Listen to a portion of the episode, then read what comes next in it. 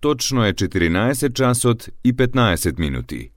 Ја следите програмата на македонски јазик на јавната медиумска установа Радио Телевизија Војводина, трета програма.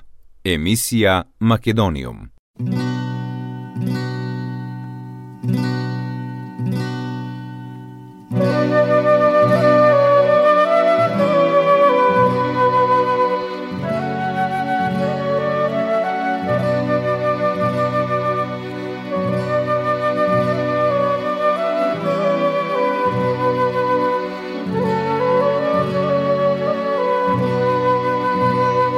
Македониум.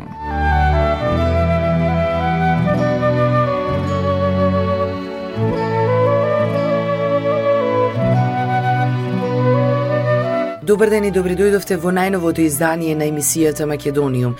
Почитувани слушатели, со вас е вашиот уредник и водител Јулијана Милутиновиќ, секоја среда со почеток во 14 часот и 15 минути на фреквенцијата на третата програма на радиото при Радио Телевизија Војводина.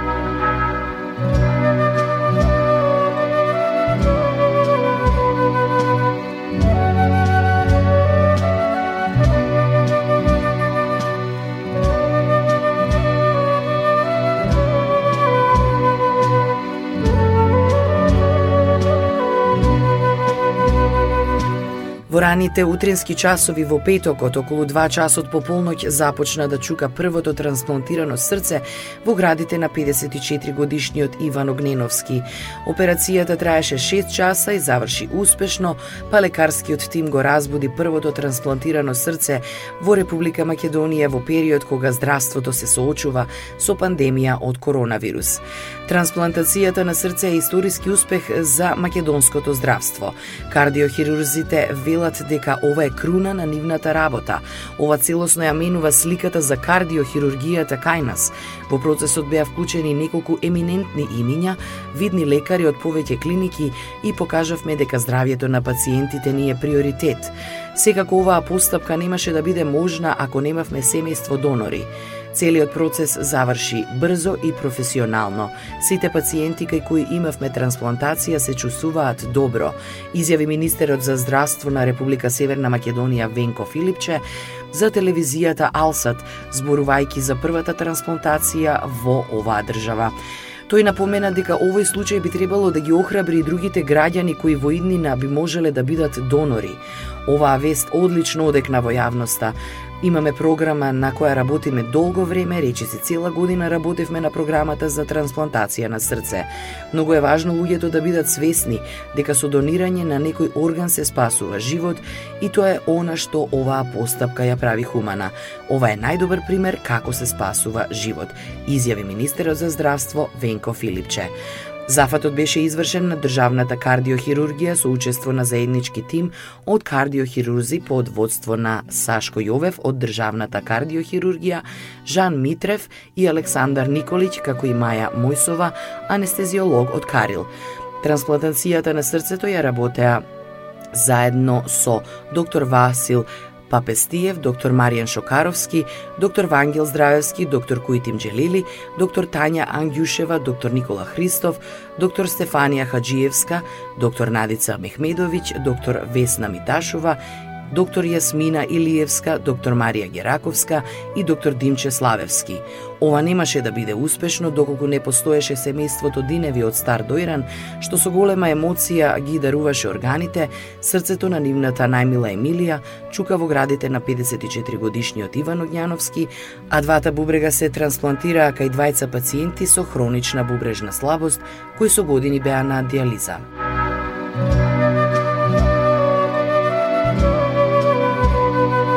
Македониум.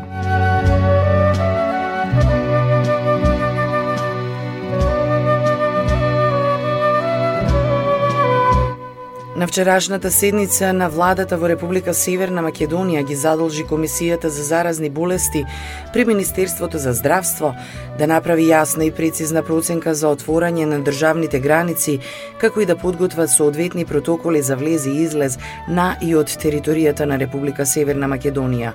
Беше заклучено дека оваа одлука ќе се донесе врз основа на заедничката координација со земјите од регионот, со која е воспоставена одлична комуникација која најавува дека многу бргу патувањето за регионот ќе биде регулирано во интерес на граѓаните од сите земји. Одлуката за повторното отворање на аеродромите ќе биде дел од отворањето на граничните премини, што ќе се носи откако Комисијата за заразни болести ќе направи соодветни протоколи за влез и излез во државата, што вчера се доби како задолжение од владата, која усвои олабавување на повеќе рестриктивни мерки, меѓу кои укинување на полицискиот час и повторно отворање на угостителските објекти. Според извори од комисијата, поради тоа што овие препораки се олеснителни, ако ги прифати, најверојатно владата нема да бара ново продолжување на вонредната состојба по 1 јуни. Многумина по ваквата препорака гледаат политиканство од страна на актуелниот состав на споменатата комисија во согласност со настојувањето на власта што поскоро да одржи избори без разлика на вистинската епидемиолошка состојба во земјата, која има најлоша статистика во регионот и пошироко односно додека во обкружувањето е се помал бројот на случаите на зараза со коронавирусот, во Македонија бројот на новозаразени не се намалува драстично, а според бројот смртни случаи процентуално е водечка. Македониум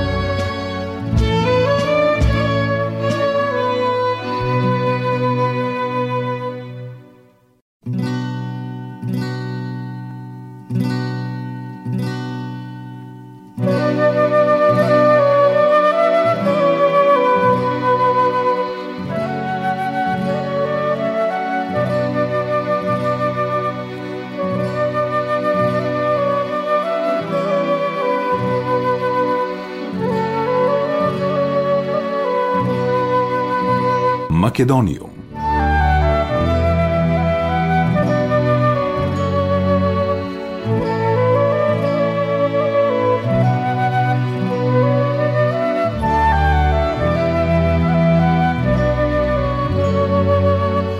Медиумските работници може да бидат земени предвид за скрининг за коронавирус, иако во иницијалниот план не беа ставени на Комисијата за заразни болести. Вака министерот за здравство Венко Филипче во Република Македонија одговори на прашањето на Слободен печат дали и новинарите и медиумските работници ќе бидат вклучени во скринингот за коронавирус, во кој се вклучени полицијата, вработените во градинките и други категории на граѓани кои имаат голем број контакти со граѓани граѓани поради природата на својата професија. Сметам дека и од оваа интензивна комуникација видовме дека се сосема коректни и добро се придружуваат до превентивните мерки, рече Филипче.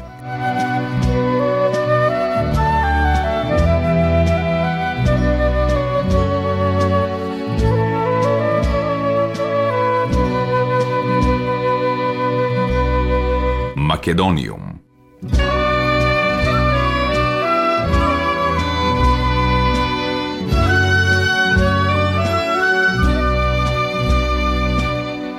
За тоа дали и се доволни 35 дена за одржување предвремени парламентарни избори, Државната изборна комисија нема одговор. Ако председателот не прогласи вонредна состојба по четврти пат, од почетокот на јуни до 5 јули, остануваат вкупно 35 дена за ажурирање на избирачкиот список и за завршување на другите изборни активности што беа суспендирани. Предходно, првиот човек на Државната изборна комисија Оливер Дерковски изјави дека за кредибилен процес и во согласност со изборниот законник на Државната изборна комисија ќе им бидат потребни 40 до 50 дена подготовка. Владата во тек на неделава ја разгледува евентуалната потреба да предложи друга военредна состојба доколку е потребно. Уредбата на владата со која беа прекинати изборните активности предвидува парламентарните избори да се одржат 22 дена по вонредната состојба. Сепак, според експертите, преместувањето на евентуалниот датум може да се регулира со други уредби од владата.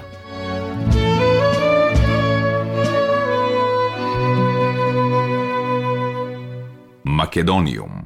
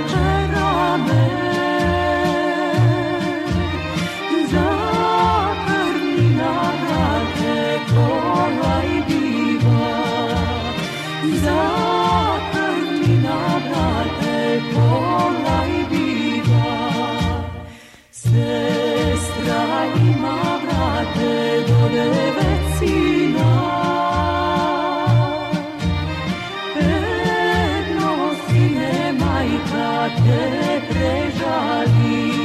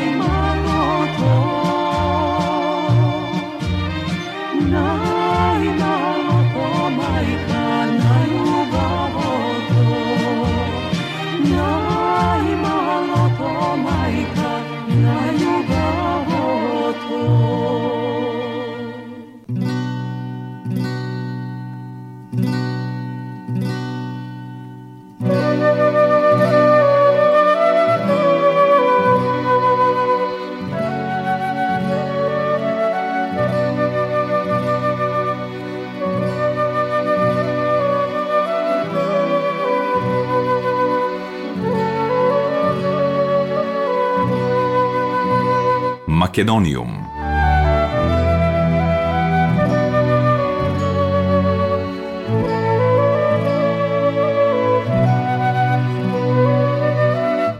Филозофскиот филмски фестивал денеска во 11 часот и 30 минути организираше вебинар на тема COVID-19 и филмскиот сектор во Северна Македонија, на кој се отворија прашањата дали фестивалите треба да се откажат, одложат или да се изведат онлайн се дебатираше и за тоа како домашните и европските институции одговорија на ковид кризата, ограничувањата како потенцијал за креативноста, новата нормала и реосмислувањето на филмската индустрија. Како сакаме да го замислиме филмскиот сектор во иднина, така информираа организаторите и на овој вебинар, модератор беше Ана Дишлиеска Митова, а учествуваа Анита Стојческа, агенција за филм, Игор Иванов, режисер, Бистра Георгиева, медиа деск, Владимир Ангелов, кинотека, Саша Станишич Катауей Синесквер, Стефан Палитов, режисер, Татјана Јаневска, Скопски филмски фестивал, Дарко Набаков од Македокс, Атанас Георгиев, продуцент и Русе Арсов од МКЦ Синдейс. Македониум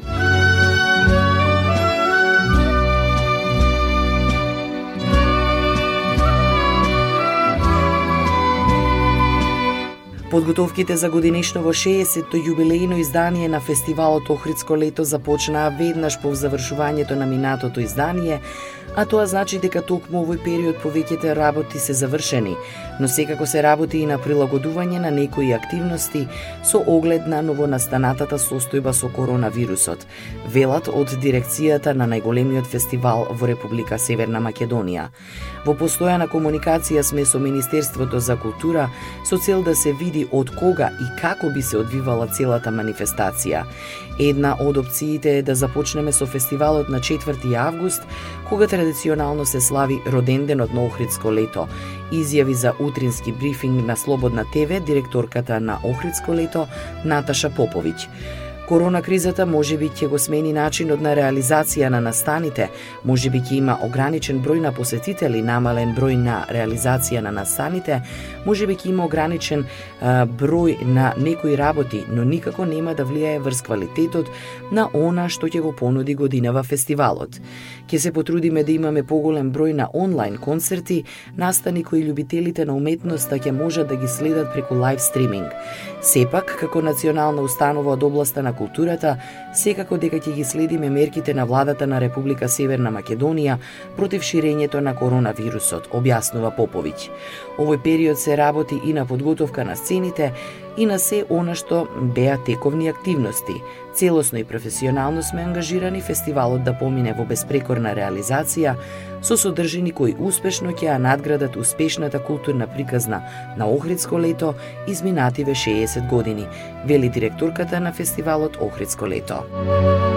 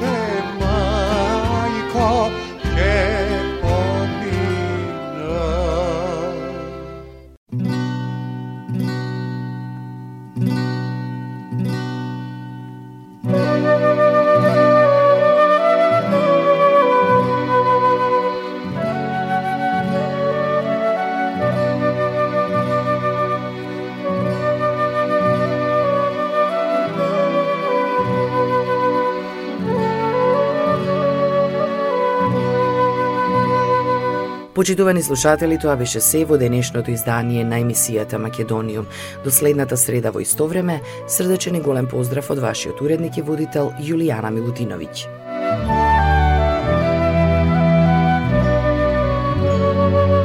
Ја следевте програмата на македонски јазик, емисија Македониум. Главен и одговорен уредник Воин Поповиќ.